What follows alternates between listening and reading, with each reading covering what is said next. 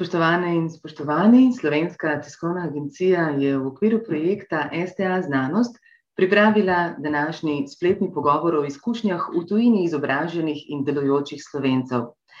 Zanimalo nas bo, kaj bo truje odločitvi za delo v tujini, kako se pripraviti na odhod na študij v tujino ali potem, kako se vrniti nazaj v Slovenijo. Svoje poglede na študij in delo v tujini ter na dejavnike, ki vplivajo na vrnitev nazaj, bodo v spletnem pogovoru za projekt STA Znanost danes predstavili v veliko veselje in tudi čast mi je, da so z nami. Um, najprej Neža Vadnjal, doktorska študentka celične biologije na Univerzi v Cambridgeu in University College London ter članica upravnega odbora Društva VTIS, Društva v tujini izobraženih slovencev. Neža, pozdrav v London pa Tim Weber, doktorski študent biologije in molekularne biologije na Univerzi v Cirihu in član upravnega odbora Društva VTIS. Tim, lepo pozdravljeni.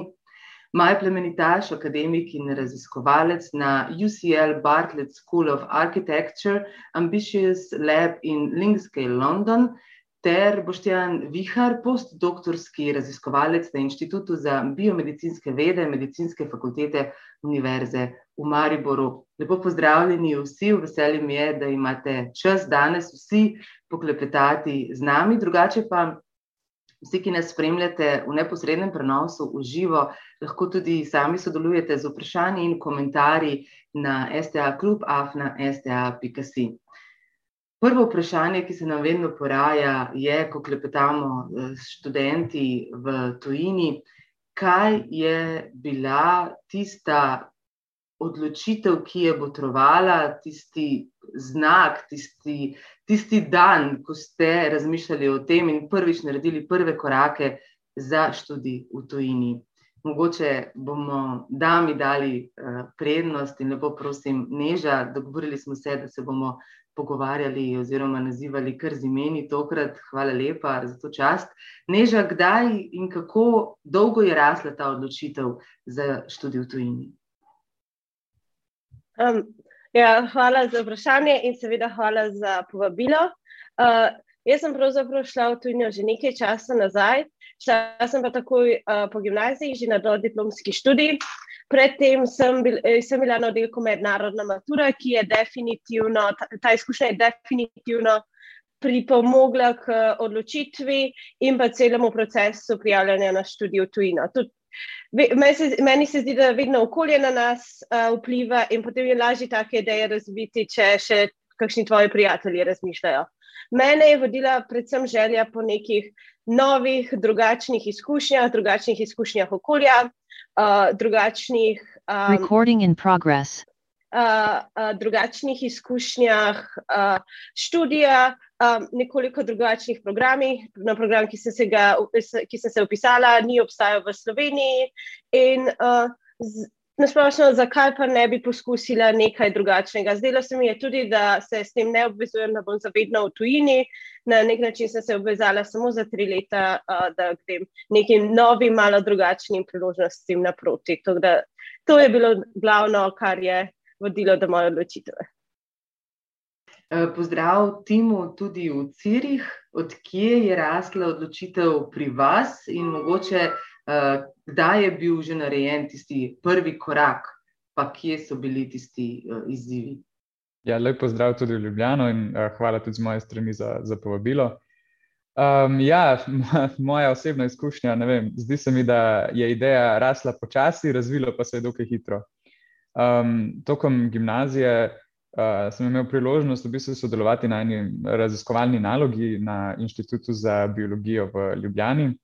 In tam sem se v bistvu prvič tudi um, spoprijel z delom v laboratoriju, z nekako dinamiko znanstvenega svet, svet, sveta. Um, in hitro sem dobil občutek, da je slovenski prostor za, za kakšne res ambiciozne projekte malo, malo utesnjujoč, malo smo preveč. Um, utesnjeni, omejeni z določenimi, z določenimi dejavniki, da, da, da bi res lahko dobil um, dobro sliko celotnega področja biologije. Se pravi, eden od uh, glavnih indicov tukaj je bil jezik. Vsa literatura, ki smo jo nekako že takrat v gimnaziji dobivali, je v, v, prihajala v angliškem jeziku. Um, vse, vse, vsi termini so bili nekako v angliškem jeziku, in takrat se mi je zdelo nekako nepriročno, da bi um, tri leta preživel na diplomskem študiju, se učil vse v slovenščini, samo zato, da potem, če bi kadarkoli želel kasneje to tujino, bi imel v bistvu ta nek handicap, um, da bi se lahko priučil v bistvu še, še terminov v, v, um, v angliškem jeziku. Um, druga stvar so, je definitivno fleksibilnost programov. Um, na začetku, po, že med gimnazijo, v bistvu, pravzaprav nisem niti vedel, kaj, kaj točno bi rad počel v življenju. Ne. Vedel sem, da nekako biologija je to področje za me, ampak biologija kot sama je zelo široka, pokriva vse od vem, ekologije um, morja do res uh, molekularne biologije in, in genetike. Ne. In nekako uh, se mi zdi, da v našem sistemu dobiš, um, vsaj v gimnaziji, dosti obširno sliko, kaj vse obstaja ampak ne dovolj obširno, da bi se recimo lahko zavezal um, za, za neko področje že takrat. Ne? In, um, program v Angliji, na katerega sem se upisal, mi je res omogočal veliko fleksibilnosti. Iz semestra v semester sem si lahko zbiral um, predmete, glede na, glede na trenutne interese, kar pomeni tudi, da če recimo preživiš semester v, v nekem. Um, V nekem kursu, se pravi, v nekem predmetu, recimo človeške molekularne biologije bolezni, in ti to ni všeč, uh, ti, ni, ti nič ne preprečuje, da naslednji semester to zamenjaš za, za nekaj čisto drugega. Ne? Uh, zadnja stvar, ki je potrovala po tem odločitvi, pa so priložnosti. Jaz, uh, London, kot, sveto, kot neka svetovna prestolnica, res ponuja ogromno priložnosti, že čisto iz, um, že čisto iz vidika, da cel svet nekako strmi tja. Ne? Priložnosti za povezovanje, za mednarodno sodelovanje, um, za, za delo v mednarodnem okolju, takšno, kot, kot ga imaš tam, težko najdeš, kje je v Sloveniji. Pa se preselimo še kar v London, nazaj. Um, maj, uh, kaj pa vi? Koliko časa ste že v tujini in zakaj tujina? Meni se je zgodba tudi začela že med dodiplomskim študijom, najprej z Združenimi državami Amerike 2006. leta, potem sem bil na Kitajskem 2008 eh, in potem od 2011 naprej v eh, Londonu. Tako da je to mm, ena pot, ki se mi zdi že čisto naravna, tako da ni, nek, ni bil nek velik preskok. Začelo se je pa vse skupaj z eno notranjo motivacijo, željo po raziskovanju novega in iskanju prostora, kjer je kar največja intenziteta nekega možnosti interakcij, ki jih mogoče tu nisem uspel doživeti. Tako da to je bila popolnoma eh, notranja eh, želja in pot, ki je bila, tako da je bila odločitev zelo enostavna. Eh, sama pot je bila pa mogoče malo manj. O tej poti vsakega izmed vas bomo danes še spregovorili. Um, no, Boštjan pa se je že vrnil. Bomo potem kasneje vprašali, če namerava spet kaj v tujino, ampak zaenkrat, Boštjan, prvo vprašanje, zakaj je bila um, tista odločitev in kaj je pretehtalo uh, za študij v tujini? Ja, hvala za besedo. Um, torej, jaz sem tudi v bistvu imel dlje časa že neko željo iti po izkušnje v tujino. Uh, se pa pri meni v bistvu temu še pridružila neke vrste nuja. Uh, tako rekoč, se pravi, jaz sem prvo stopnjo uh, študija upravljal v Ljubljani na biotehnički fakulteti. Mi smo bili tudi prva bolonska generacija na biologiji. In um, ko smo v bistvu zaključevali za prvo stopnjo, se je potem nekako izkazalo, da tisti podiplomski programi, oziroma ta dotični program, ki je mene zanimal, potem tisto leto uh, ni bil razpisan, tako da smo mi v zadnjem letniku, spravi jaz, pa tudi nekateri drugi sošolci, smo začeli bolj raziskovati možnosti za um, nadaljevanje študija v tujini. Tako da jaz sem v bistvu takrat se fiks odločil. Uh, da grem ven, in sem potem pristal v Ahnu na univerzi RVTH. Um, v nadaljevanju bi pogledali priložnosti, ki jih niste našli, prepoznali v Sloveniji, pa ste jih v izbranem uh, kraju oziroma na izbranem študiju. Tukaj bi mogoče najprej uh, Tima uh, pozvala, uh, Tim, prej ste že omenili, da vas je navdušila predvsem ta fleksibilnost ne, samega študija. Je še kaj takega, kar bi izpostavili med tem, kar niste našli v Sloveniji, pa ste našli eh, na svoji poti v tujini? Ja, poleg fleksibilnosti, definitivno um, to povezovanje z mednarodnim okoljem. Ne. Zdaj ne bom trdil, da so vse, vse te univerze takšne, definitivno ne, ampak um, univerze z večjim deležem tujih študentov um, ti nekako dajo tudi več um, tega kulturnega stika z različnimi ljudmi, z, z različnimi miselnostmi, um, ki, ki ti res razširijo obzorje na, na veliko več načinov, kot samo na, tistega, na tistem akademskem, za katerega se dejansko upisuješ. Vse te neke izkušnje, samo interakcije z, z ljudmi iz celega sveta, um, ti res odprejo nekako nove perspektive, nove možnosti, pa tudi dajo večje razumevanje in spoštovanje do tega, kar imaš sam, recimo v svoji kulturi. Veliko, veliko od. Um, Eh, posebnosti Slovenije in, in uh, slovenca nasploh, ki je nekako nevidno, ko živiš v naši družbi. Um, recimo, vedno se pohvalim, kadar govorim s komorkoli stojine, da imamo v Sloveniji kulturni dan. Torej, preširno dan, kjer se cela država zapre za to, da grejo lahko ljudje v gledališča, v, um, v muzeje, v galerije. To, to je recimo nek koncept, ki, ko odraščaš, se ti zdi, da ja, sej. To, to, to je vsako leto, ne? nekomu, nekomu zunaj to predstaviti, pa je čisto um, čisto nepredstavljivo. Um, poleg tega se mi zdi, da vsaj moja izkušnja je bila, no, da univerze veliko, veliko vlagajo v izkušnje študenta. Ne. Jaz vsakič, ko sem se pogovarjal s kom, ki, um, ki študira v, v Sloveniji, ko sem se odločil za svoj študij, uh, vedno, vedno sem dobil tak nek občutek, da razen redki um, študentje si, si le številka na papirju. No. Eh, nekako ni, ni nekega, z večino profesorjev ni, ni nekega osebnega stika, um, bolj si tam kot um, neka, uh, neka obveznost profesorju, da ti mora odpredavati uh, pač kar ti mora, zato da, da lahko potem dela svoje raziskave. Um, v, skozi moje izkušnje se mi je zdelo to pač čist, čisto drugače. En, ena od teh stvari, seveda, je tudi dejstvo, da pač za študij v tujini je veliko krat treba plačati. Um, zato, se mor, zato se morajo univerze zelo, zelo potruditi, v bistvu, da, da privabijo študente in da dobijo potem neke dobre ocene in dobra priporočila za naslednje generacije.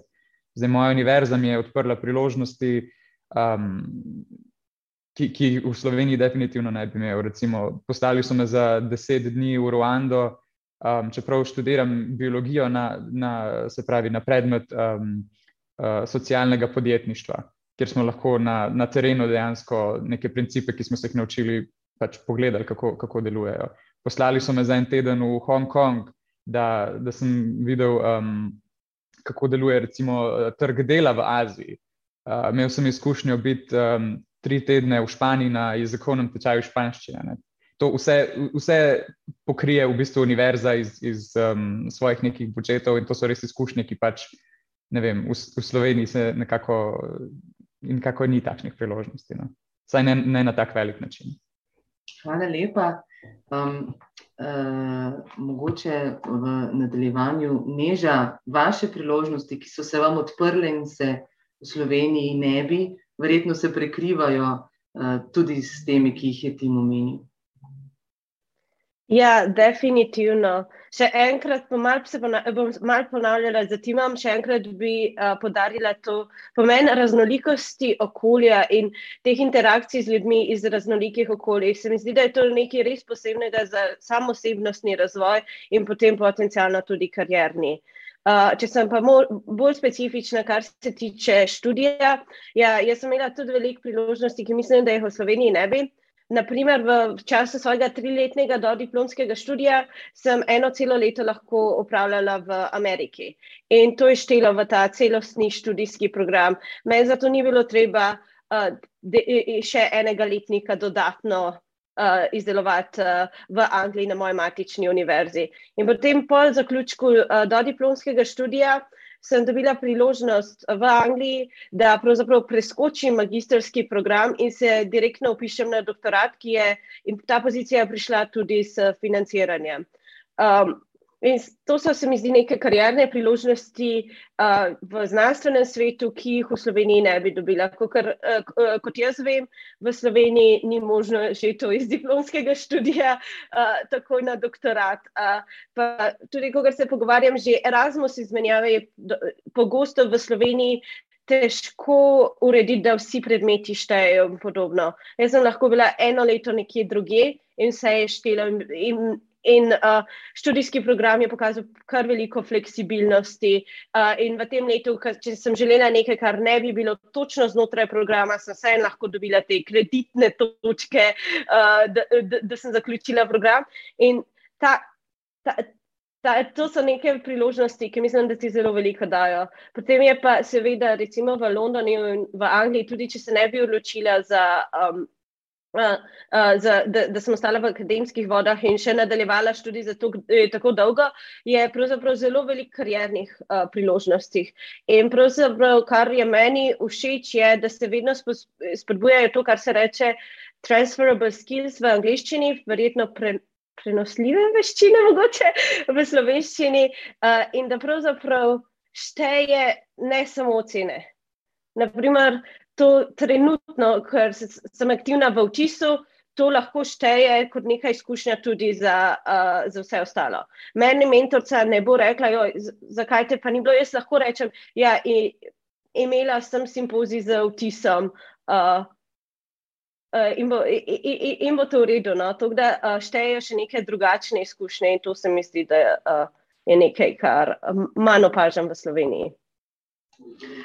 Tako, če, če se bolj poetično izrazim, kot da ste bolj lahko razprli krila in zadihali s polnimi pljuči v tujini, ne, ker je bila večja fleksibilnost in manj te ustesnjenosti, ki je bila danes žal omenjena in žal tudi uh, eh, podarjena. Maj, kaj pa priložnosti, ki so se vam odprle? Točno to zadnjo poglavje um, z, z Londonom. Moram reči, da Prva stvar, ki je bila očitna, je, da je birokracije mnogo manj, kot je bila izkušnja v Sloveniji, eh, in da je fokus predvsem na to, kaj nekdo lahko naredi, kaj lahko nekdo doprinese eh, znanosti ali pa znanju. Eh, se pravi, ni važno, odkot prihajaš, ni važno, kako ti je ime, važno je, kaj počneš. In to je bil en tak fundamentalni preskok, ki je v bistvu um, omogočil rast. Zdaj, treba je povdariti, da v Angliji je darvinizem še zelo živ, Tako da to pomeni, da je stvar zelo tekmovalna. Um, recimo, mi smo bili, jaz sem tam upravljal magisterij, tako da je bilo okrog 100 študentov iz celega sveta. Um, na koncu je pa se zgodilo tako, da glede kariernega nadaljevanja bomo omenili, da so mi na dan, ko je bila uh, diploma, ponudili službo tako v Londonu kot v New Yorku. In sem potem že en dan kasneje začel učiti in voditi svojo raziskovalno skupino tam. Tako da je to si v Sloveniji ne predstavljam. Um, tudi glede tega, kaj raziskovanje pomeni, ne pomeni, da je to nujno eh, tako zapakirano v nekem formatu uh, doktorata ali podoktorskega študija, ampak se to odvija v laboratorijih, uh, kjer se teme razvijajo, formirajo in potem ponavadi se vključi, ali pa veliko krat se vključi tudi um, industrijske partnerje ali pa druge ustanove, ki v bistvu to nek, na nek način financirajo. Tako da jaz bi povdaril to, da v Sloveniji imamo na nek način velik privilegij, da je visoko šolstvo financirano iz strani države. Mislim, da je to zelo pomemben temelj, ki ga moramo ohraniti. E, istočasno se pa moramo zavedati, da če želimo dosegati presežke, moramo se naučiti povezovati e, tudi z industrijskimi in drugimi panogami, ki lahko to financirajo. Se pravi, da bomo sposobni ne samo formirati isto zelo močno bazo, ampak se prepoznavati posameznike, ki, ki imajo to moč um, razvoja česa novega, potem pa se osredotočiti na to dodano vrednost in jo gojiti kot kulturno vrednoto. Mislim, da je to zelo pomembno. Ker če ne se dogaja beg možganov, kot se je dogajalo prej, so pa države, ki so izredno strateške glede tega in to s pridom izkoriščajo. Mi zdi se, da je veliko govora v zadnjih letih o povezovanju izobraževanja in gospodarstva, da pa je premalo narejenega, čisto iz osebnega novinarskega stališča. Veliko uh, je bilo že okroglih misij novinarskih na to temo, ampak koraki, tisti pravi, tisti res konkretni, ambiciozni koraki, te pa še malo čakamo. Uh, Boštjan, še priložnosti, ki vam jih je dala tujina? Uh mhm. -huh. Jaz mislim, da se bomo veliko ponovili danes tu med sabo. Um, Ja, mislim, mogoče bi dodal še k temu, kar se tiče rečemo, same svobode dela oziroma fleksibilnosti. Um, kar se je meni zdelo zelo pomembno, ali pa velika dodana vrednost no, študija v tujini, um, že v bistvu takoj na začetku druge stopnje uh, samega študija je bila dejansko ta možnost, da se res profiliraš tako, kot se ti hočeš. Se pravi, mi na dodiplomskem programu v Ljubljani ne, smo imeli fiksen predmetnik, bilo je jasno, vsi predmeti, ali pa 90% predmetov je bilo obveznih, bilo je mogoče en, dva izbirna predmeta na leto. Uh, Medtem ko tam v Nemčiji, kjer sem študiral, pa so bili dejansko vsi predmeti izbirni. Ne? Bilo je recimo tam na tistem študijskem programu šest možnih področji, v katere si se lahko poglabljal, vsako področje ti je ponujalo neke predmete in ti si si pač zbral predmete, kakor si si jih želel. Bila je tudi potem tvoja odgovornost, da si si uskladil urnike. Um, in potem, ko si zbral dovolj kreditnih točk iz nekega področja, ne, se pravi, da jih je bilo skupaj potem tudi 120, koliko pač magistrski študij zahteva, potem si lahko uh, magistriral, ne? seveda pa potem še delal tudi um, magistrsko nalogo. Druga stvar je bila pa tudi to, da se je študente um, že od začetka zelo vključevalo v sam delovni proces, oziroma nudilo se jim je priložnosti za delo znotraj univerze. Se pravi, tam je rečemo nekaj podobnega, kot je pri nas študentsko delo. Um, ampak ni študentsko delo, ker ne, um, mislim, je organizirano ne preko študentskih servisov, ampak v bistvu univerza sama uh, poskrbi za to, da ima stalno neke priložnosti, rečemo za rutinske naloge, ki je treba pač veliko ponavljati, pa ne zahtevajo neke visoke odgovornosti, da jih lahko študenti delajo, si s tem dobijo uh, neke izkušnje dela v laboratoriju, sporedno. Uh, pa so efektivno tudi cenejši po urni postavki, kot pa recimo ne, eh, bolj izkušeni raziskovalci. Eh, tudi v študijskem procesu so lahko recimo študenti višjih letnikov pomagali pri eh, izvedbi recimo vaj ali pa seminarov pri nižjih letnikih in tako naprej. Pač dosti je bilo nekih priložnosti, ki jih je univerza ponujala. Kar se tiče pa samega povezovanja z gospodarstvom, pa je tudi bilo res enormno priložnosti. Sicer mogoče ni čisto fair primerjava, zato ker sem bil pač na tehnični univerzi, kjer je to eden od glavnih fokusov, ne, se pravi povezovanje z industrijo. Um, ampak je pač res je bilo, no, kako bi rekel, zanimivo videti, da recimo tudi industrijski partnerji skupaj z fakultetami pa inštituti gradijo skupna poslopja, kjer si delijo ljudi, prostore, ideje in tudi sama izvedba, recimo, raziskovalnih, magistrskih, doktorskih nalog je potekala dejansko v, kako bi rekel, zelo horizontalno, no, skoraj med uh, akademskim in industrijskim okoljem. Pa če ostaneva kar midva, um, če mogoče pogledava še to drugo plat, zdaj smo govorili predvsem o plusih, pa o priložnostih. Kaj pa morebitne težave, s katerimi ste se ali že pred odhodom, ali pa iz Slovenije ali pa v prihodu v drugo državo potem srečali? Uh -huh.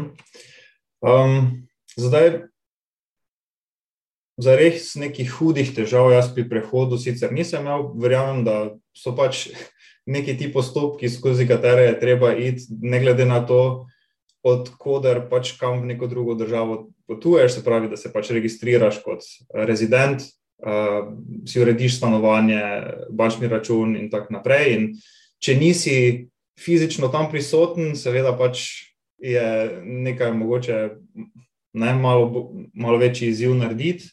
Um, ampak dejansko nisem imel no, nekih uh, hudih problemov. Moram reči, da um, zanimivo je bilo v bistvu videti izkušnjo pač pri meni, ker sem pač šel iz države EU v drugo državo EU, kako enostavno je v bistvu stvar potekala, v primerjavi recimo s kolegi, ki pa niso blizu EU, ne, pa so imeli še potem delo z vizo in z, z drugimi postopki, s katerimi se jaz nisem rabo uporabljati, eh, ukvarjati. Drugače pa, kar se pa tiče samega študija, pa tudi, no, mogoče največji izziv je bil ta, da je bil kampus pač res ogromen, da sem se znajdel logistično, kje je kaj pa kako priti iz ene točke na drugo. No. Um, pa urnik uskladiti, tako kot sem rekel prej. No. Sicer pa ni bilo za res nekih težav.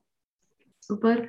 Um, Maj, mogoče za vas eh, enako vprašanje, predvsem uh, glede na to, ne, da ste zamenjali kar nekaj držav. Vsaka ima svoje zakonitosti, ampak uh, moram reči, da so mi bili bolj izziv kot nekaj, kar bi gledal kot težavo. Tako da izzivov sem se od nekdaj veselil, tako da je bilo to bolj um, relativno enostavno razrešeno. Ma pa vsak prostor svoje zakonitosti, ki jih je pač treba upoštevati, in uh, ni pa nič takega, da bi izpostavljal posebej. Vas ni nič presenetilo, da bi mogli. Presenetilo me je veliko, ampak večinoma, no. se pravi, presenečen, presenečen ne dojemam nujno kot nekaj, kar je negativen stres, ampak nekaj, kar pač pa še zaradi novih izkušnji. Tako da je to del uh, učenja, ki pa bi rekel, ta neformalni del je včasih še bolj pomemben. Uh, izpostavljenost različnim kulturam. Enkrat sem slišal od enega starega profesorja, ki ga zelo spoštujem, da je rekel, da bi lahko vsak živeti v vsaj petih državah in študirati vsaj na petih različnih univerzah, da bi dobil neko širino.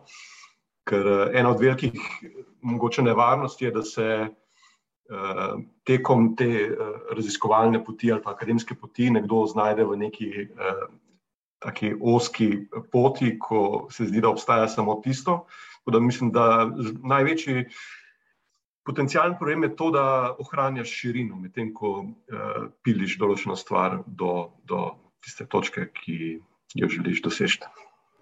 Hvala, Neža. Kakšen je bil vaš odhod iz uh, Slovenije in prihod, tudi verjetno kakšna, kakšen logistični izziv bom uh, izkoristila uh, odgovor, ki ga je dal zdaj le maj.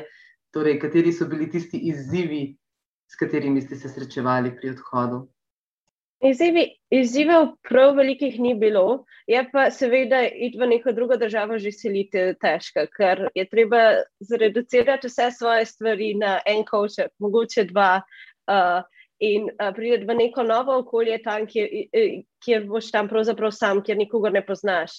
Potem iskanje prvega stanovanja. Sicer za dodiplomski študij so pri tem ponavadi v pomoč univerze s študentskimi domovi, ampak svet, ne vidiš prej, ne, ne, ne veš, kaj pričakovati. Uh, to, to, to je tako tako v prihodu je to definitivno uh, neki ziv. In potem, če kot maj zamenjaš državo, je treba to še enkrat iti skozi, pa, ti, pa povejo, da ja, je, je, je fino, če vidiš stanovanje prej. Uh, recimo Anglija ima tudi en tak.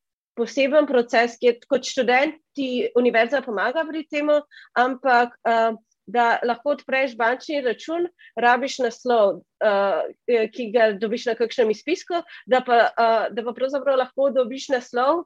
Uh, pa najameš stanovanje, je ponovadi uh, ljudi lažje, če imaš bančni račun v Veliki Britaniji. Zicer zdaj z elektronskimi bankami je to lažje urediti, uh, ampak nekoč je bilo to kar uh, zakomplicirano in je zelo zanimivo.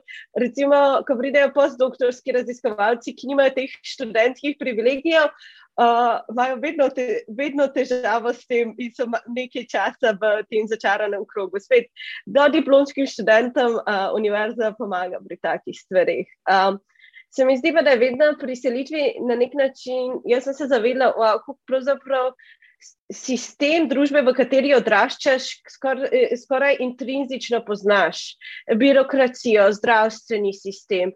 Uh, v novi državi je treba kar naenkrat vse ugotoviti znova uh, z manj poznanstvi. Uh, če recimo v Sloveniji ne bi vedela, kako nekaj na državni birokratski ravni deluje, bojo verjetno že moji starši mi lahko pomagali.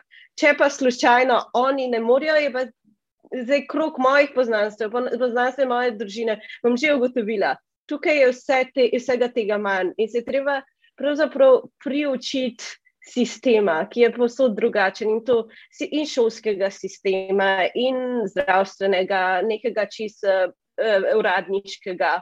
Um, in to je, men, meni se to zdi izjiv. Um, tudi pri študiju je, je to, aha, samo, samo nekaj ur predava na teden imamo, pa, potem je treba pa vse sam delati, ni, treba, uh, ni toliko vaj. Aha, sama se moram znati, da bom zdaj uh, predelala to. Aha, uh, zelo želijo, da sprašujemo vprašanja. Na podlagi vprašanj te uh, opazijo. Uh, ni problem, če je. Vprašanje je mogoče nekoliko uh, butasto. No? uh, kdaj celo boljše, ker te na podlagi tega opazijo kot nekoga, ki ga zanima in sodeluješ.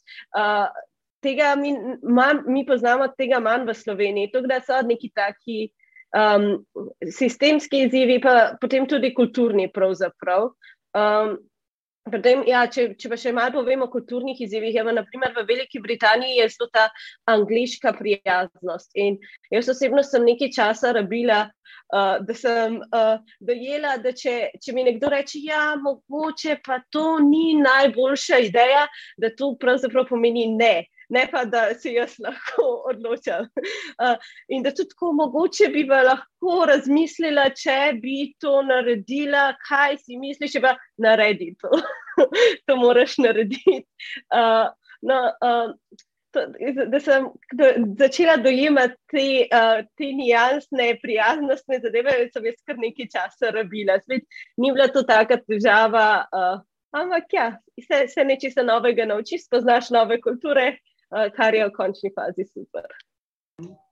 Malo za hec, ta angliška prijaznost je v bistvu bolj na ženski logiki. Uh, mož mora razumeti točno tako, kot uh, ste razumeli vi, ne že potem angliško prijaznost. Ampak pustimo, da, se, da se še pohecamo. Uh, tim, so bile tudi pri vas, predvsem uh, tiste logistične, uh, logistični izzivi pri selitvi, pri odhodu? Veliko velik stvari, veliko stvari. Jaz uh, naprej, da se kar navežem na nežo, pa na ta kulturni šok. Uh, to je definitivno ena stvar, na katero te uh, skoraj nič ne pripravi.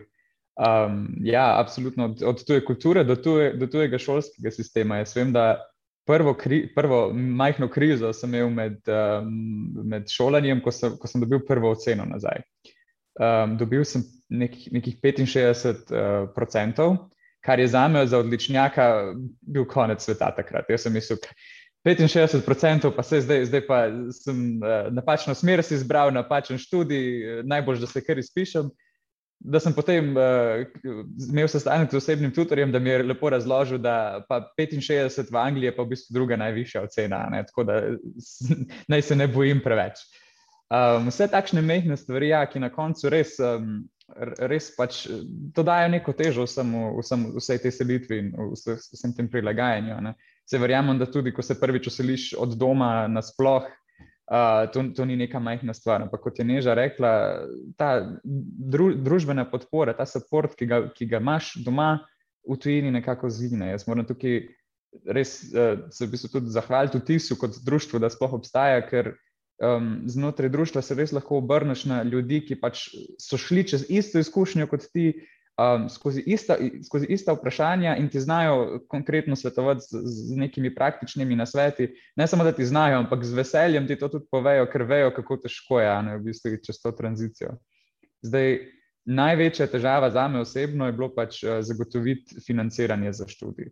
Študij sam v Angliji um, stane, zdaj mislim, da zadnja cena za letnik do diplomskega študija je 9250 um, funtov. Uh, potrebuješ pa recimo vsaj, vsaj še enkrat toliko za, za življenjske stroške in najemnino. Ne? In tukaj v Sloveniji obstaja zelo malo um, v bistvu, um, različnih verov financiranja, um, v bistvu praktično Cojzova štipendija, pa štipendija Ad Futura. Za oboje moram tukaj izpostaviti kot, kot neko problematiko, je, so, so te roki, um, kdaj v bistvu dobiš ti odgovor na, na prijavo, na vlogo za štipendijo. Ne. Zgodi se, no, ne, ne samo enkrat, obakrat, sem, o, o, obakrat, hm, obakrat, dvojina. Oboje krat, ko sem se prijavljal na, um, na štipendijo, sem dobil odgovor šele decembra. Um, študij, študiji se v Angliji začenjajo v sredini septembra. Torej, v bistvu že, že samo to dejstvo, jaz sem prepričan, da veliko, veliko nadobudnih študentov, pa dijakov, odvrne od tega, da bi sploh poskusili. Um, zato, ker nekako moraš preživeti prvi semester praktično brez, brez nekega financiranja, in tudi po prvem semestru, kot se je recimo meni zgodilo za, za dodiplomski študij, sem dobil negativen odgovor za štipendijo. In potem, ker naenkrat ostaneš sam, nekje v tujini, um, pomoči ni ne levo, ne desno, in se moraš znajti, pač, kot se veš in se znaš.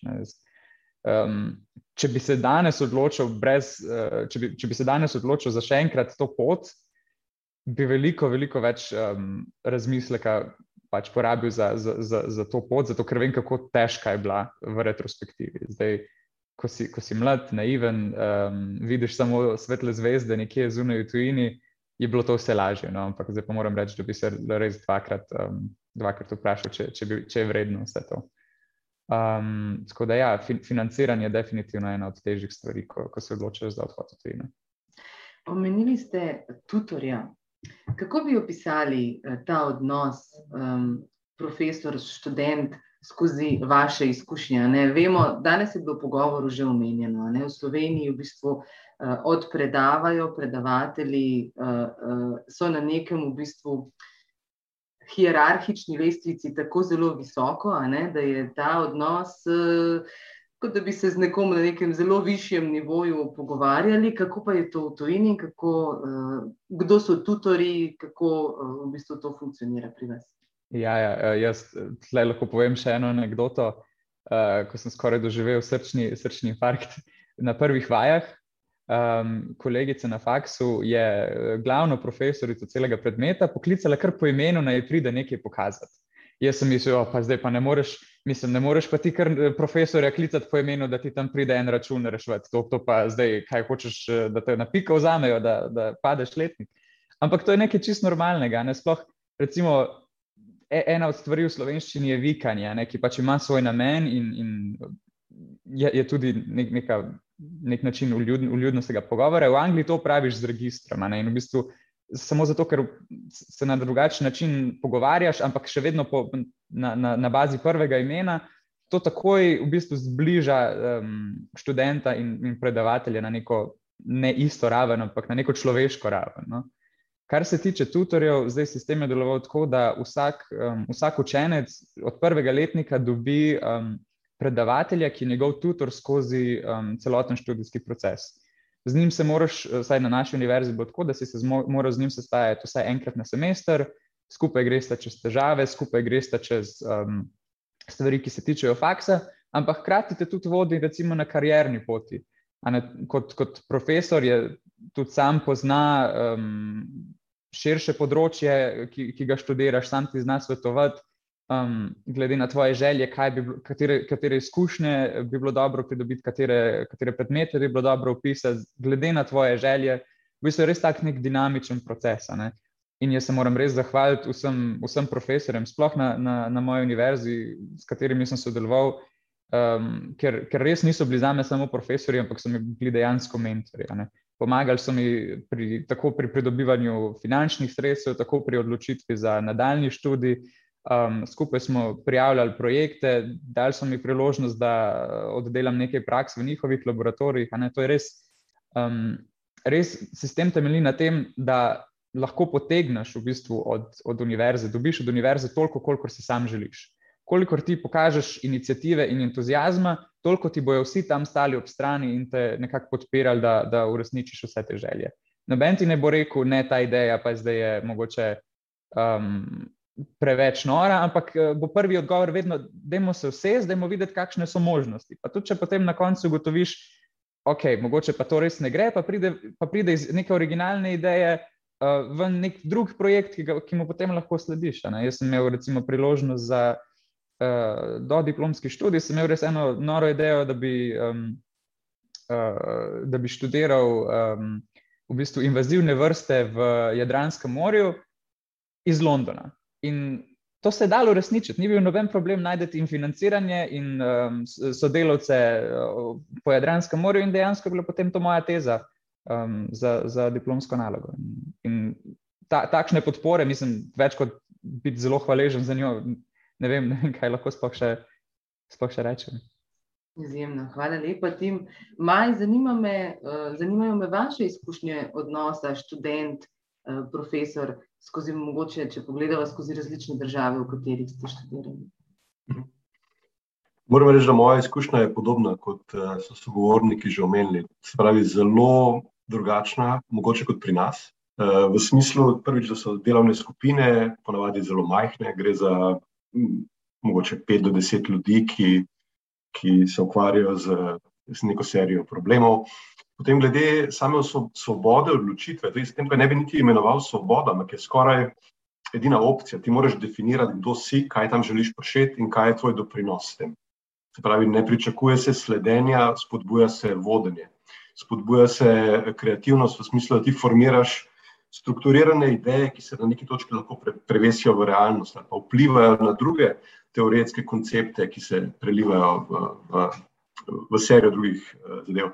In tu gre, v bistvu za en strukturiran, zelo dobro premišljen sistem, ki funkcionira na nivoju podpore, temu reči, študenta, ki se lahko znajde tudi v stiski, ali pa nekoga, ki išče uh, tako bi rekel, sodelovanje z nekom uh, za skupne projekte, tako znotraj univerze kot med univerzami. Jaz imel izkušnje že med študijom, uh, da so določene šole znotraj univerze, ki so na nek način diskretne enote in funkcionirajo same za sebe.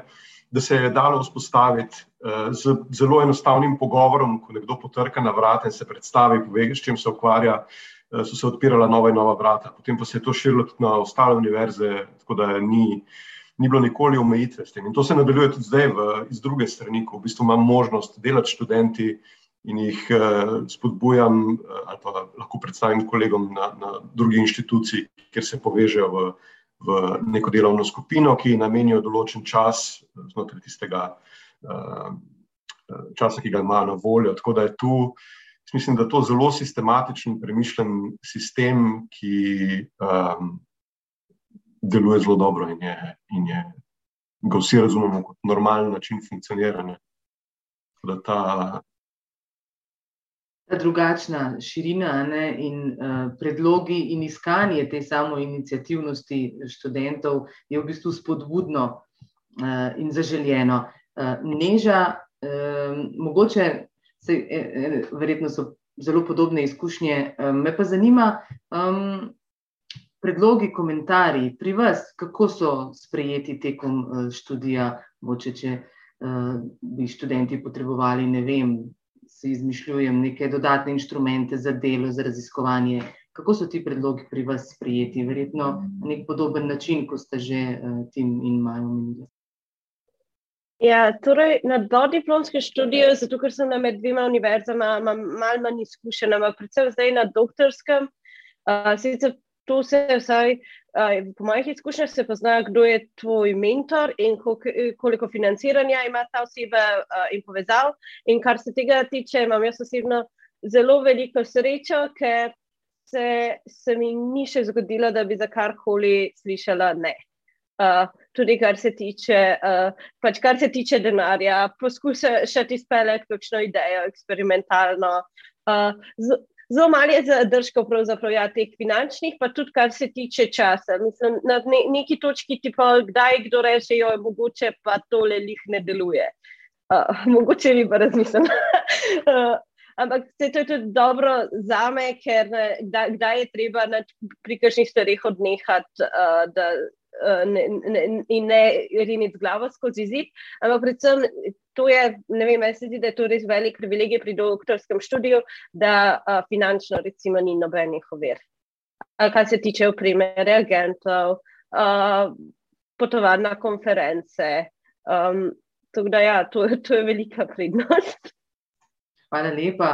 Boštjan, zdaj pa vaš odgovor mora krmariti med izkušnjami iz tujine in izkušnjami, ki jih imate sedaj v Mariboru ta, ta razlika. Ne, uh, prej, če se dotaknemo še uh, profesor, študent odnosa, pa uh, te besedice, ne, ne ki uh, je neža omenila, da um, ne obstaja pri idejah in, in željah, če so le, seveda, uh, realne.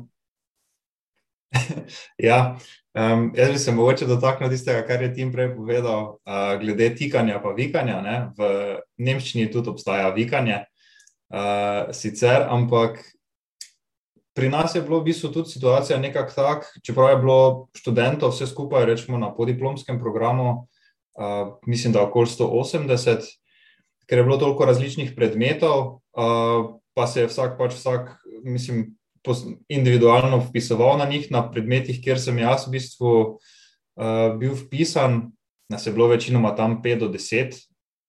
Um, Tako da je že zaradi tega nekako bolj intimen odnos, uh, rečemo se, ne, dosti bolj dostopni so, uh, tudi kar se tiče same komunikacije. Um, sem jaz bil v bistvu tudi presenečen, no? uh, koliko se da direktno pogovarjati, um, po eni strani med samim rečemo, pedagoškim procesom, se pravi med predavanji, med vajami, uh, seminarji, pa tudi potem uh, izven tega delovnega časa. Recimo, ne, če si poslal mail profesorju, ti je v bistvu tako odgovoril, pa si je rezel čas. Uh, pa tudi potem pri samih laboratorijskih vajah, tam smo bili po trije v skupinah in smo potem recimo rotirali po teh različnih laboratorijih in tam so si res vzeli čas za vsakega od nas, da smo šli um, čez posamezne procese, da smo res dobili rečemo, nek poglobljen pogled, pa skoraj da individualno um, prilagojeno izkušnjo. Teda, kar se tega tiče, je bilo res. Um, ja, mislim, ne vem, težko je primerjati, ne? zato ker jaz tudi, recimo, na prvi stopni uh, študija niti ni bilo um, takega načina dela, in tudi ne vem, kako bi bilo, recimo, na prvi stopni pač tam, ko sem delal potem drugo stopnjo, tako da mogoče nimam te direktne primerjave. Ampak potem tudi, ko sem delal magistrsko nalogo ali pa doktorsko nalogo, um, sem imel vsaj jaz mogoče srečo, no? tudi uh, z mentorjem, ki je bil pač res dostopen in prilagodljiv. Um, in je pač mi omogočal, da sem jaz v bistvu čisto svojo pot lahko uh, peljal znotraj teme, jaz pa ti prilagajal in tako naprej. Um, Tako da, ja, mislim, ne vem, um, ne vem kako bi izgledalo to, če bi to delal pri nas. Ne. Po drugi strani pa lahko rečem, da vseeno zdaj, ko delam recimo tukaj v Mariboru na univerzi, imamo mlado skupino, kjer je tudi uh, predstojnik zelo angažiran in nas želi pač spodbujati, zato ker je pač mogoče druga generacija profesorjev, kot pa ne, uh, so recimo večinoma. In uh, imam tudi veliko v bistvu, priložnosti za sooblikovanje samega dela in, in teh stvari. Tako da pač mogoče imam jaz srečo, no? um, pa ni to univerzalno pravilo, ampak verjamem pa, da se da marsikaj um, tudi recimo, uh, v tem smislu delati pri nas. Ne? So pa vsekakor ja, še neke stvari, ki pač so drugačne, ki mogoče zahtevajo tudi izboljšave uh, v našem sistemu. No, vi ste že nazaj. Zakaj ste se odločili za vrnitev uh, v Slovenijo? Ste imeli kakšne težave ob vrnitvi, oziroma kakšne izzive ste imeli ob vrnitvi, in kaj bi svetovali tistim, ki se želijo vrniti nazaj? Uh,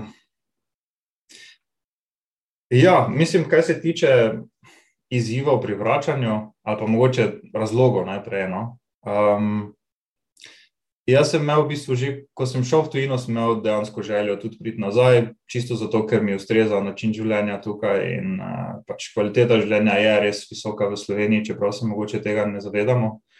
Um, tako da, ja, cilj je bil priti nazaj, je pa res, da pač, kar se tiče časovnice, vrnitve, je bila ta malo vezana na samo štipendijo. Uh, ki je pač zahtevala, da se jaz potem tudi vrnem. Tako da sem mogoče zaradi tega, uh, sem se praktično vrnil malo prej, kot pa bi se mogoče sicer, no, če, ne bi bilo, uh, če ne bi bilo tega pogoja. Um, zdaj, jaz, čeprav sem sicer iskal rečemo delo, no, že preden sem bil dejansko spet v Sloveniji in nisem bil zares uspešen pri samem iskanju, in sem potem nekaj časa porabil tudi za to, da sem, um, da sem delo našel tukaj. Um, zdaj, bil sem tudi, recimo, um, prijavljen na zavod za poslovanje, ker mi niso zares znali pomagati, zato ker niso vedeli, kako predalčka mojo izobrazbo, ker pač ne ustreza rečemo, tem kategorijam uh, področji, ki jih mi tukaj imamo. Um, ampak ja, po moje, kar je um, treba mogoče razlikovati no, pri prehodu iz tujine v Slovenijo, je v bistvu organiziranost javnega in zasebnega sektorja. Ne. Zasebni sektor je vseeno dosti bolj fleksibilen in tam, kjer so podjetja pač napredna, tudi sama iščejo v bistvu kadre iz tujine. Pri društvu v TIS tudi v bistvu imamo zdaj že nekaj let te karierne dogodke, kjer uh, si uh, podjetja v Sloveniji želijo v bistvu spoznati no, tudi uh, ne, Slovence, recimo, ki so študirali, delali, raziskovali v, v tujini, medtem ko naš um, um, javni ali pa vsaj akademski sektor, no, zato lahko govorim, ker pač sem sam del tega, uh, se mi zdi pa je vseeno dosti rigiden in zaprt. Um, kar se tiče tega prehajanja. Se pravi, od tega, da pač imamo mi strogo definirana neka področja in je prehajanje med njimi. Um, mogoče toliko neobičajno, da, da težko prideš noter, čeprav mogoče formalno ne bi bilo potrebno tega omejevati. Uh, tudi ti habilitacijski postopki so počasni. Um, če nisi tukaj zaposlen in nimaš uh, dobrega razloga, da bi napredoval po stopničkah, si moraš to plačati, moraš tudi vedeti, kako bi ta postopek potekal. To pomeni, da če se hočeš zaposliti na neko odprto delovno mesto, ki jih pravzaprav ni veliko, zaradi tega, ker je pač financiranje relativno nizko za znanost v Sloveniji, v primerjavi z drugimi evropskimi državami. To pomeni, da tudi se ne odpira novih raziskovalnih skupin, ampak lahko se mesta odprejo šele, ko rečemo, da se stolčki spraznijo, tako rekoč.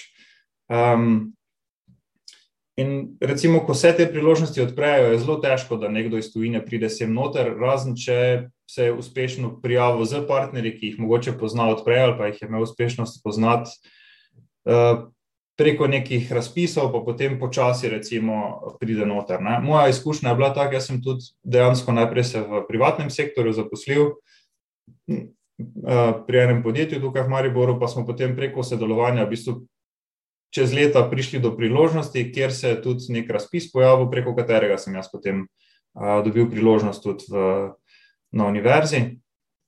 Um, tako da je, ja, mislim, mogoče je veliko malih stvari, ki so tudi med sabo toliko prepletene, da, kako bi rekel, ovirajo um, to prihodnost. No. Um, zdaj, kaj bi jaz svetoval nekomu, ki se želi vračati sem zagotovo to, da se pač že veliko prej poveže z, ali pa pogleda, z, kje, kje iskati priložnosti, s kom, s kom se lahko poveže. Pač zagotovo te možnosti obstajajo. Um, po drugi strani pa pač se morajo tudi pri nas, po moje, stvari spremeniti. Um, po eni strani to, da se malo bolj odprto gleda na izobrazbo pridobljeno v tujini in na izkušnje pridobljene v tujini, da se tudi te omejitve, kar se tiče vstopnih pogojev, um, internacionalizira, če lahko uporabim to besedo, se pravi, da se jih naredi bolj kompatibilne z, z tem, kar pač lahko pričakujemo, da bodo ljudje iz tujine prišli, in pa seveda, da se tudi oglašuje. Um, priložnosti tukaj. Ne. Zdaj se mi zdi, dosti krat so razpisi pač objavljeni na nekih oglasnih deskah, nihče za njih ne ve za res, pa še potem so relativno kratek čas um, odprte ta, ti razpisi. Uh, recimo za primerjavo, um, saj, mislim, pač po mreži, kjer sem jaz uh, povezan pač od uh, študija še prej v Nemčiji ali pa v Avstriji, tam se res široko išče tudi kadre, recimo pa študente, pa ne, doktorske raziskovalce, podoktorske raziskovalce, po vseh možnih kanalih, ki pač so na voljo. Ne. To pomeni, da se po mailing listah, po socialnih omrežjih, po vseh platformah, ki jih pač država pa EU dejansko ponujajo preko, v končni fazi tudi preko um, veleposlaništev, um, in uh, v bistvu služb, ki jih ima država za mednarodno izmenjavo. Um, tako da tu, ja, tu je veliko priložnosti še za um, napredovanje no, v, v Sloveniji. Hvala, Boštjan. Lepa beseda, priložnosti, uh, izzivov. To vse tako malo polepšamo stvari, ki bi jih morali v bistvu zbrcati ne, v zelo hitrem času. Um, maj glede na uh, odgovor, ki sem ga zdaj le slišala, v bistvu ne spadamo med tiste države, ki bi strateško razmišljali o visoko izobraženem uh, kadru in ga privabljali vsaj nazaj uh, v um, domovino. Razmišljate o tem, da bi se vrnili v Slovenijo, kaj bi mogoče um, vas prepričalo k temu? Ja, moram reči, da to je moje bi rekel, razumevanje trenutne situacije, da trenutno to ni strateška, uh, vrednota, ki bi se jo država zavedala, pa določena podjetja seveda razumejo ta potencial. Lahko rečem iz stališča študentov, ki se upisujejo na naše programe, da večina, ki jih pride tja, imajo praktično službe že zagotovljene in je bolj gre za obratno pozicijo, ko si oni lahko zbirajo, kam želijo iti in primerjajo, katera ponudba je boljša. Pri nas imamo pa veliko krat ljudi, ki praktično postrgajo še zadnje eh, cente iz bančnega računa, se zakreditirajo, grejo nekam eh, in potem tam nekaj ustvarijo, ali pa ne. In, ampak kar se zgodi, rada to veliko bolj na nek način individualna pot, ki Eh, za rezultat eh, v bistvu narediš en selekcijski proces. In ta je, da tisti, ki se za to odločijo, so ponavadi res zelo močno eh, notranje motivirani. In potem, čez nekaj časa, ugotoviš, da so določene bitke, ki se jih lahko greš, so določeni nasveti, ki jih lahko daš, včasih si pa tudi tiho. In razumeti, kakšna je pozicija, kaj, kaj je tvoje poslanstvo, včasih težko, ampak se mi da z leti to postane uh, vedno lažje. Jaz imam veliko željo, da bi lahko uh, delal v Sloveniji, iz, izjemno veliko, istočasno pa se mi zdi, da imamo ogromno izzivov. Sem pripravljen se tudi pogovarjati o teh izzivih in o poteh naprej. Uh, s tem, da zanimivo bi bilo videti tudi, kakšen impuls, kaj enkrat pride iz strani ljudi, ki imajo dejansko moč odločanja. Mislim, da je to nujno. Ker brez tega se bo uh, ta uh, nezadržljiv izpust potencijala nadaljeval do točke, ko, uh, ja, o kateri ne bi želel razmišljati. Hvala lepa. Neža, se vračate? Mislim, jaz bi se želela vrniti, ja, zaradi stvari, ki smo jih že omenili, da je uh, kvaliteta v življenju, življenja v Sloveniji se tudi meni zdi dobra. Uh, imamo še kar nekaj aspektov uh, socialne države, ki upam, da jih bomo ohranili, ključno z uh, kvalitetnim javno dostopnim šolstvom in zdravstvom, uh, kar je privilegij, ki ga več ni v vsaki državi uh, in nekako imam še nekaj upanja, mogoče, ker sem, uh, ker sem toliko časa tu in imam še upanja, da bo pa morda to v Sloveniji ostalo. Um, me pa sliša take stvari, kot jih je uh, Boštjan povedal, ne nujno navdihnejo z optimizmom. Uh, um, tako da, ja, no, želela bi si, uh, bomo pa videli, kako bojo stvari uh, potekale. Se mi pa glede tega zdi škoda, da to govorimo samo o begu možganov in ne kroženju, ker se mi zdi, da to pa vpliva na vse pristop. In imam skoraj občutek, da kdaj je to. Ja, vse beg možganov, ste hoteli zbežati, zdaj, zdaj se vam trudite, da nazaj pridete. Tako da moramo skoraj iti čez neko kazen, ker smo šli. Uh, sej ni, se so lahko nove izkušnje, nek drugačen vidik, ki uh, oplemeniti družbo in vse skupaj. Ni treba, da je vse. Beg, beg možganov, lahko samo neko kroženje, vse globalni svet, smo del Evropske unije, kjer je pravzaprav kroženje uh, velik del uh, Tako da, ja. Uh. Če govorimo že o krožnem gospodarstvu, ne, v tem yes. smislu potem lahko govorimo, seveda, zagotovo tudi o, o, o kroženju v izobraževalnem smislu. Tim, kaj pa vi in Slovenija? Ali že sanjate v angleščini? Oh, ja, ampak to, to, to se zgodi hitro. Um, želja, želja po vrnitvi v Slovenijo, vsekakor je, verjetnost je pa majhna. Tako bom rekel. Jaz mislim, da um, kar se tiče priložnosti v gospodarstvu, žal pač se mi zdi, da Slovenija še vedno neke razvojne potencijale imamo, neke priložnosti je, ampak so te veliko se te pojavljajo veliko redkeje v visoko specializiranih področjih. Če se ti, ti kot doktor, doktor znanosti, si res strogo, strogo usmerjen v neko zelo osko, osko pot in najdete neko priložnost. Um, biti takrat, ko se priložnost pojavi, biti takrat um, v stanju, da, da, da jo izkoristiš, v majhni državi je zelo težko. Kar se tiče pa javnega financiranja znanosti, pa mislim, da tukaj jaz bom zelo kritičen in bom rekel, da Slovenija fundamentalno na robe razume, kako pristopiti k temu problemu v, v 21. stoletju. Tako občutek imam, kot da se v Sloveniji želi um, odličnost na vseh področjih. Se pravi, um, nekak pristop javnega financiranja je, je tak, da financiramo vse, posod moramo biti zraven. Kar v modernem svetu ne, ne gre, ne, ne, ne, ne, ne prinese nekih želenih rezultatov. Ti za odlično znanost potrebuješ odlično infrastrukturo, potrebuješ mednarodno okolje, kjer, kjer je prehajanje znanja um, lahko in, in neoteženo z, z jezikovnimi preprekami, z administra, administrativnimi blokadami. Če mi vlagamo v čisto vsa področja, to pomeni, da damo v bistvu vsem študentom priložnost, da poizkusijo um, kaj obstaja, da vidijo tisto res priložnost, kam, kam znanost pelje, ampak v Sloveniji jim tega enostavno ne bomo mogli ponuditi, zato ker se financiranje ne fokusira na neke, tarčna, na neke tarčne, um, tarčne panoge. Ne? Um, vsemu pač ne moramo biti najboljši. Jaz bom tukaj izpostavil recimo um, konkreten primer Švice. Um, ETH Cirih um, je univerza, ki je med najboljšimi 15 v svetu. In so se res, um, cel fokus univerze je na tehničnih študijih, kar privablja, ker, ker se ve, da, da univerza deluje kot tehnična univerza, to privablja tako strokovnjake iz celega sveta na, na, na teh področjih pač tehnike v, v Cirih. Um, vse financiranje se fokusira na um, infrastrukturo, ki omogoča lažje raziskave na področju tehnike.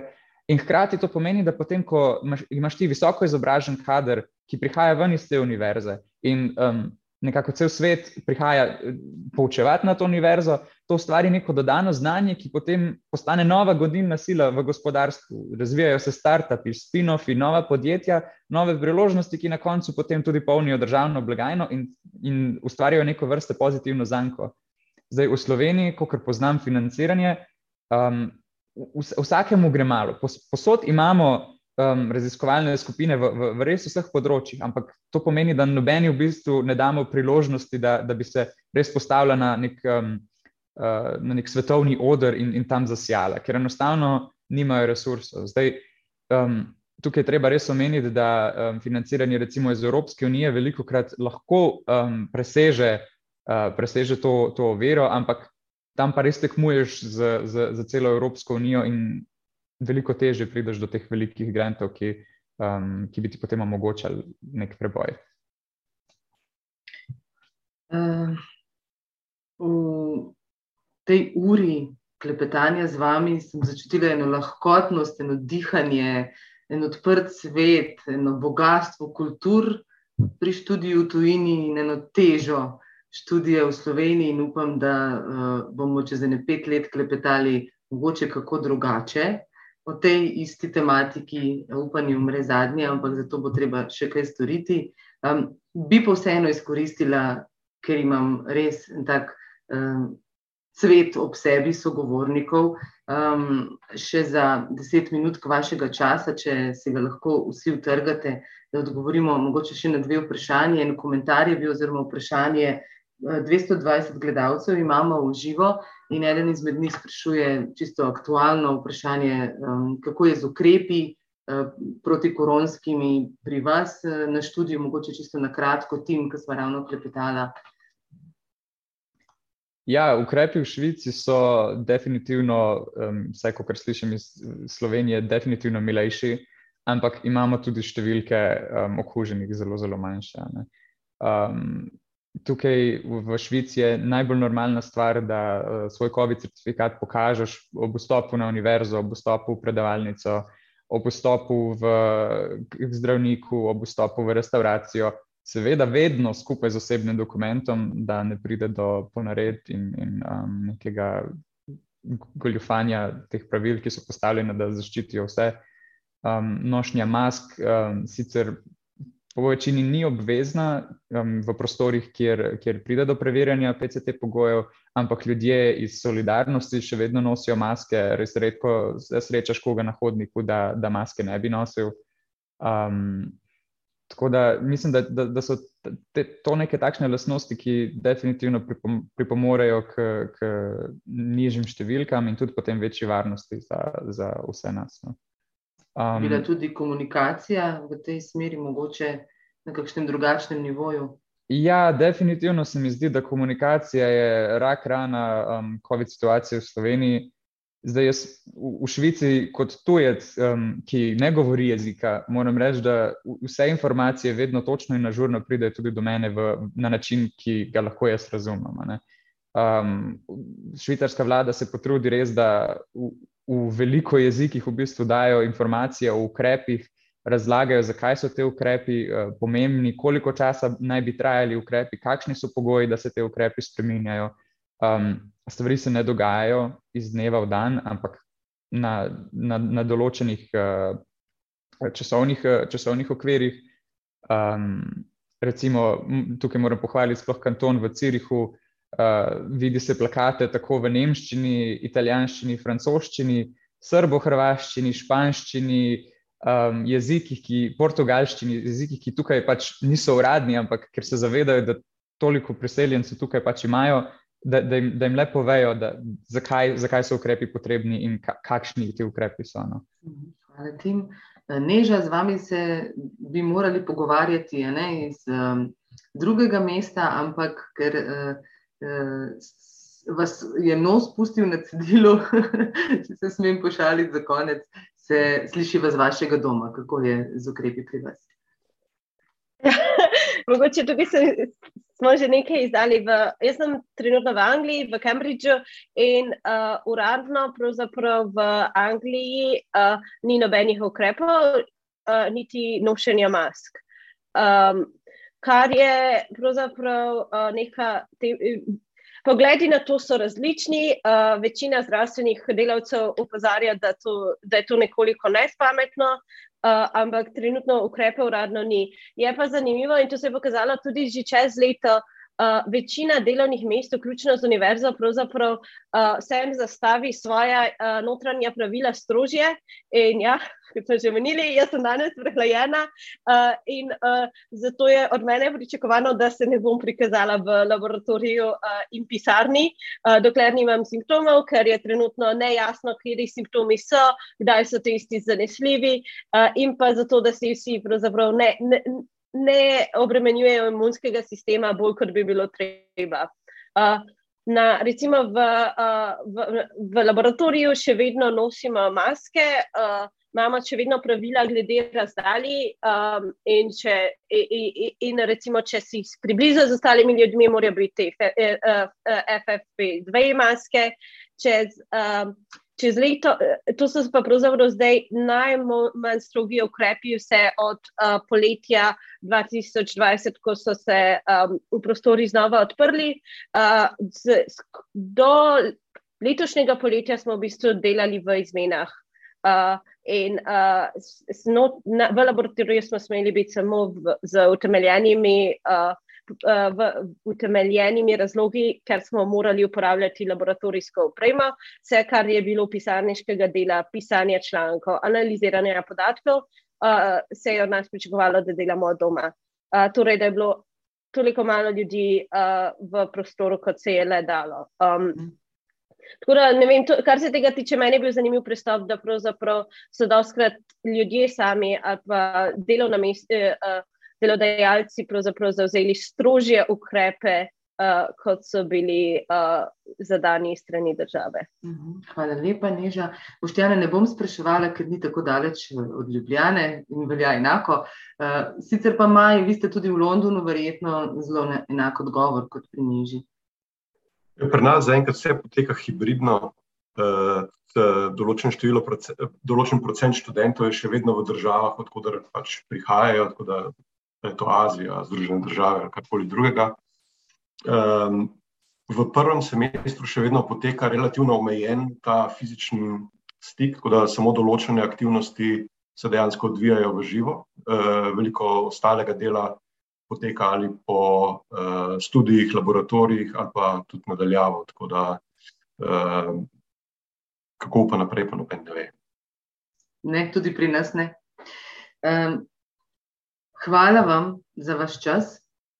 Mislim, da smo odgovorili res na večino tega, kar se vsi ali pa večina sprašujemo, glede študija v tujini, glede vračanja nazaj Če je mogoče še kaj takega, za konec sem imela sicer eh, pripravljeno še vprašanje, vprašanje katere ukrepe bi predlagali za lajšanje vrnitve um, mladih nazaj v Slovenijo, ampak mislim, da smo, da smo to že odgovorili, razen če bi želel mogoče kdo v tem trenutku dodati še kaj, uh, kar bi res pretehtalo, ampak mislim, da smo bili, da smo bili na tem področju uh, že izčrpni pri odgovoru.